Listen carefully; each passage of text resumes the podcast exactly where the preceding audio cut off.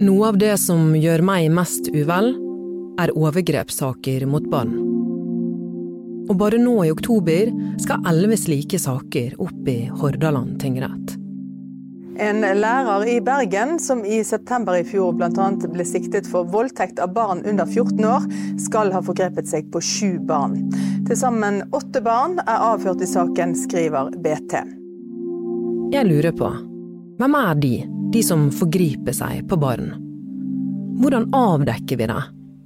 Og kan man repareres etter å ha opplevd et overgrep? Nå hører du på Hva skjedde? Her forteller vi deg historiene bak nyhetsoverskriftene. Mitt navn er Anna Magnus.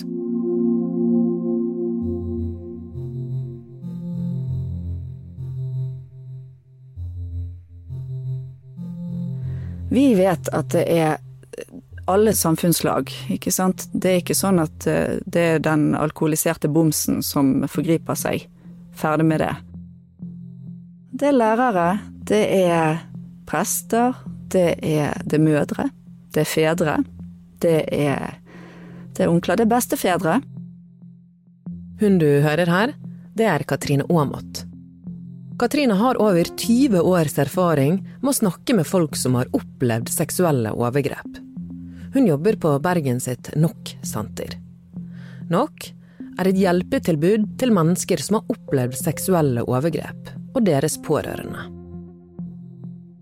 Hvem er de som forgriper seg på barn? Det er kanskje den snilleste som barnet har i livet sitt, som gir barnet mest omsorg. Eh, og, og da er vi jo inne på mer ja, hvem er overgripere? De er vanligvis noen i nær relasjon til barnet. Enten i en eh, nær relasjon eller i en avhengighetsrelasjon. Hvordan kan vi avdekke seksuelle overgrep? Jeg vil faktisk si én ting før det. Mm. Fordi eh, verden er full av gode og trygge mennesker som vil barn vel. Og vi vil jo så gjerne se ikke sant, og kunne gjøre noe med, med det. Eller være der når barn kommer og forteller. Men faktum er at først så må vi skape en arena der barn kan få vise, og kan få fortelle. Og det er vårt ansvar. For uten at vi har skapt et språk på det, så er det forferdelig vanskelig for barn å si noe som helst. Dette synes jeg er vanskelig. Mm. Det er litt tabu å snakke om seksualitet, og spesielt seksualitet når det kommer til barn. Mm. Hvordan kan man da, la oss si da en femteklassing, eller vi kan gå helt ned til en tredjeklassing, hvordan snakker man om seksualitet, og hva som er greit, og hva som ikke er greit? Ofte så kan det være en hjelp å tenke at nei, nå snakker vi om noe helt annet, som jeg er trygg på. Ikke sant? Om det er hvordan man kler på seg og man sjekker ut været ute. Men jeg tenker, det er jo helt greit å si ja, du har en kropp, sant? og jeg har en kropp, og, og din kropp er din. Og så kan vi dele kroppene våre, vi kan gi hverandre en klem. Eller kanskje ikke. Det går an å sjekke ut, for selv om du vil klemme, så betyr det ikke at den andre vil klemme.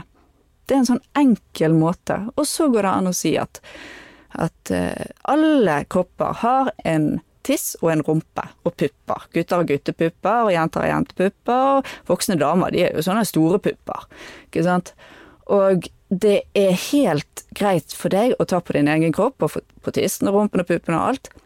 Men det er ikke lov for voksne å ta på tissen din eller rumpen din, eller gjøre noe, eller stikke noe inn, eller noe sånt, i tissen og rumpen din. Fordi at det bestemmer du over. Og så finnes det noen unntak, da. Eksempel hvis du små barn som har feber, de får kanskje en stikkpille med Paracet, for da må vi hjelpe barna til å ikke få feber. Dette her er helt naturlige ting. Det eneste vi trenger å gjøre, det er å skrubbe vekk tabu og skam. Altså når du merker hvor vanskelig det er for oss to voksne trygge som sitter her nå og snakker om det. Hvordan er det da for et barn og skulle begynne å fortelle om noe veldig forvirrende, skremmende, uforståelig som har skjedd med barnet. Ofte så blir overgrep blandet med omsorg. Jeg skal vise deg noe fint, vi har noe flott sammen, nå skal jeg lære deg noe, nå er du snill med meg, kan du trøste meg? Jeg, kan, jeg husker det var en som sa at, at ja, men jeg måtte alltid trøste pappa. Og den eneste måten jeg kunne trøste han på, det var å ta han på tissen, for da ble han glad.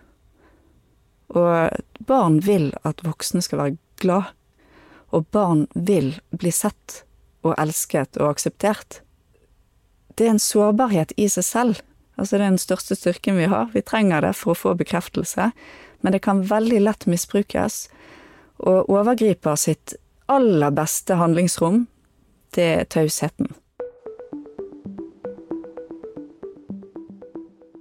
NOK-sentrene har utviklet et undervisningsprogram for sjette klasse. Her veileder de og underviser skoleklasser og lærere i spørsmål som omhandler seksuelle overgrep. Katrine forteller om det de kaller gode og vonde hemmeligheter. Vi forteller en historie om en gutt som heter Martin, som eh, snakker om hvor vanskelig han har det fordi han har en hemmelighet, og det er onkelen, og han vet ikke, han tør ikke si det til noen, han er redd for å bli mobbet i klassen hvis de får vite det, og en del sånne problemstillinger. Og disse elleve-tolvåringene som sitter i ring og prater, vi prater mest, og spør de om deres verden. Når de hører den historien, så reagerer jo de umiddelbart, for eksempel ja, men jeg hadde jo aldri mobbet han! Og så kan det hende at det sitter et annet barn i den ringen som faktisk har vært utsatt for overgrep. Og så har vi ettersamtaler. Noen ganger så kommer det barn og sier at eh, jeg har det sånn som Martin. Er det noen signaler vi kan være obs på om vi er bekymret for at et barn har blitt utsatt for noe? Generelt når det gjelder alle barn som opplever vanskelige ting, eller har det vanskelig, har en del tegn og signaler som går igjen. Og det ene, det kan jo være hvis, hvis barna har en veldig atferdsendring. Plutselig, eller ganske, ganske plutselig i alle fall, blir veldig aggressiv. Eller eh, blir veldig innesluttet, vil ikke si noe eller klager over vondt i magen, den er jo klassisk, eller vondt i hodet. Det kan være noe helt annet enn det du tror. Det viktigste er å snakke med barnet, for da kan du finne ut hva det er. Og en av de tingene som eh, er viktig, det er jo å vise, altså si til barnet 'Jeg ser at du går rundt aleine, du ser så lei deg ut. Er det noe som har skjedd? Fortell meg, du kan fortelle det til meg og du kan påpeke konkrete ting, eksempel til en ungdomsskoleelev. Jeg ser at du har kuttet deg på armen. Eh, jeg vet det er en del som kutter seg når, eh, når de har det vondt. Eh, og jeg lurer på, hva, hva er det du Er det noe du sliter med? Så kan det hende at du ikke får et svar, men du får noen litt tårevåte øyne og et lite nikk. Og da går det an å si jeg ser at du får tårer i øynene nå, og jeg ser at du nikker, og da tror jeg at det er sånn at det er noe du sliter med. Stemmer det? Ja, kommer det kanskje, da. Jeg vil gjerne vite hva det er. Nei, nei, nei, jeg får ikke vite det. Kanskje, kanskje det er barrierer. Vi vet eksempel at mange barn blir truet til taushet. Eller de er bare så flaue for det som har skjedd. Og da går det an å snakke om barrierene og si at jeg vet det er mange barn som syns det er kjempevanskelig å fortelle det de sliter med, eller den vonde hemmeligheten de har, fordi at de er redd for at noe verre skal skje hvis de forteller det, eller de er redd for at de skal bli mobbet, eller at noen skal bli sinte. Og så kan det hende at barnet reagerer på en av de alternativene du sier, og så går det an å si jeg ser at du nikker nå, er det sånn at du er redd for at noen skal bli sint hvis du forteller det, det som du sliter med?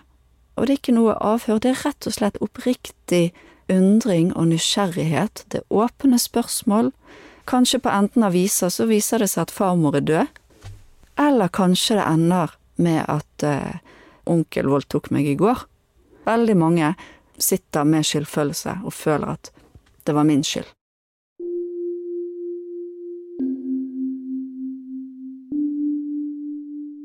Hva er det som gjør det så traumatisk å oppleve et seksuelt overgrep? Det rammer hele identiteten til et menneske. Jeg pleier å si som så at ved overgrep så skjer det en sånn overlæring som er veldig skadelig, og det er at mine tanker, følelser, meninger og behov, de betyr ingenting. Men dine, altså overgripers, tanker, følelser, meninger og behov, de betyr alt. Og den overlæringen, å ta den med seg videre i livet, kan være veldig skadelig. Og eh, heldigvis så er jo ikke dette her skrevet i stein, men det er veldig viktig å få hjelp, slippe å gå i 17 eh, år, som er gjennomsnittet da fra man blir utsatt for første overgrep til man forteller. For på de 17 årene så er det mye som Det er mye annet som eh, går gærent, da, underveis. Nettopp fordi at man ikke har fått lov til å bearbeide de sårene man har fått.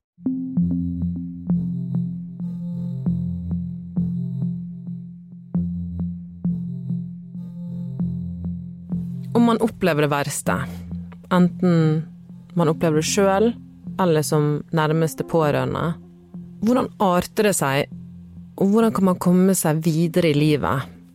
Eller vil det prege deg for resten av livet? Det å kunne skrive om sin historie, og kunne ta på en måte de mest skamfulle tingene opp på et trygt sted, og se at å ja, nå har jeg gått i alle år og kjeftet på meg sjøl, for det var jo min skyld. Jeg gikk jo inn til overgriper, og så skjedde det overgrep. Og dette er jo gjerne gjentatt overgrep. Og så kunne jeg skrive det om til at ja, men se hvilken utrolig flink liten jente eller gutt du var i den settingen, for du visste det kom til å skje. Så du tok styring på det du kunne ta styring på. Du var kjempesmart, for vet du hva, da kunne du sove om natten, og så klarte du å gå på skolen dagen etter. Og det å kunne se at når man først er fanget i et landskap man ikke kommer seg unna, så gjør man det beste man kan. Og det å få fram disse historiene òg, i seg sjøl, og det å kunne etter hvert bli glad i seg sjøl, en stor jobb for mange. Heldigvis så er det jo mange som kommer dit. Trenger du noen å snakke med etter å ha hørt dette? Da kan du ringe hjelpetelefonen for seksuelt misbrukte på telefon 800 57 000.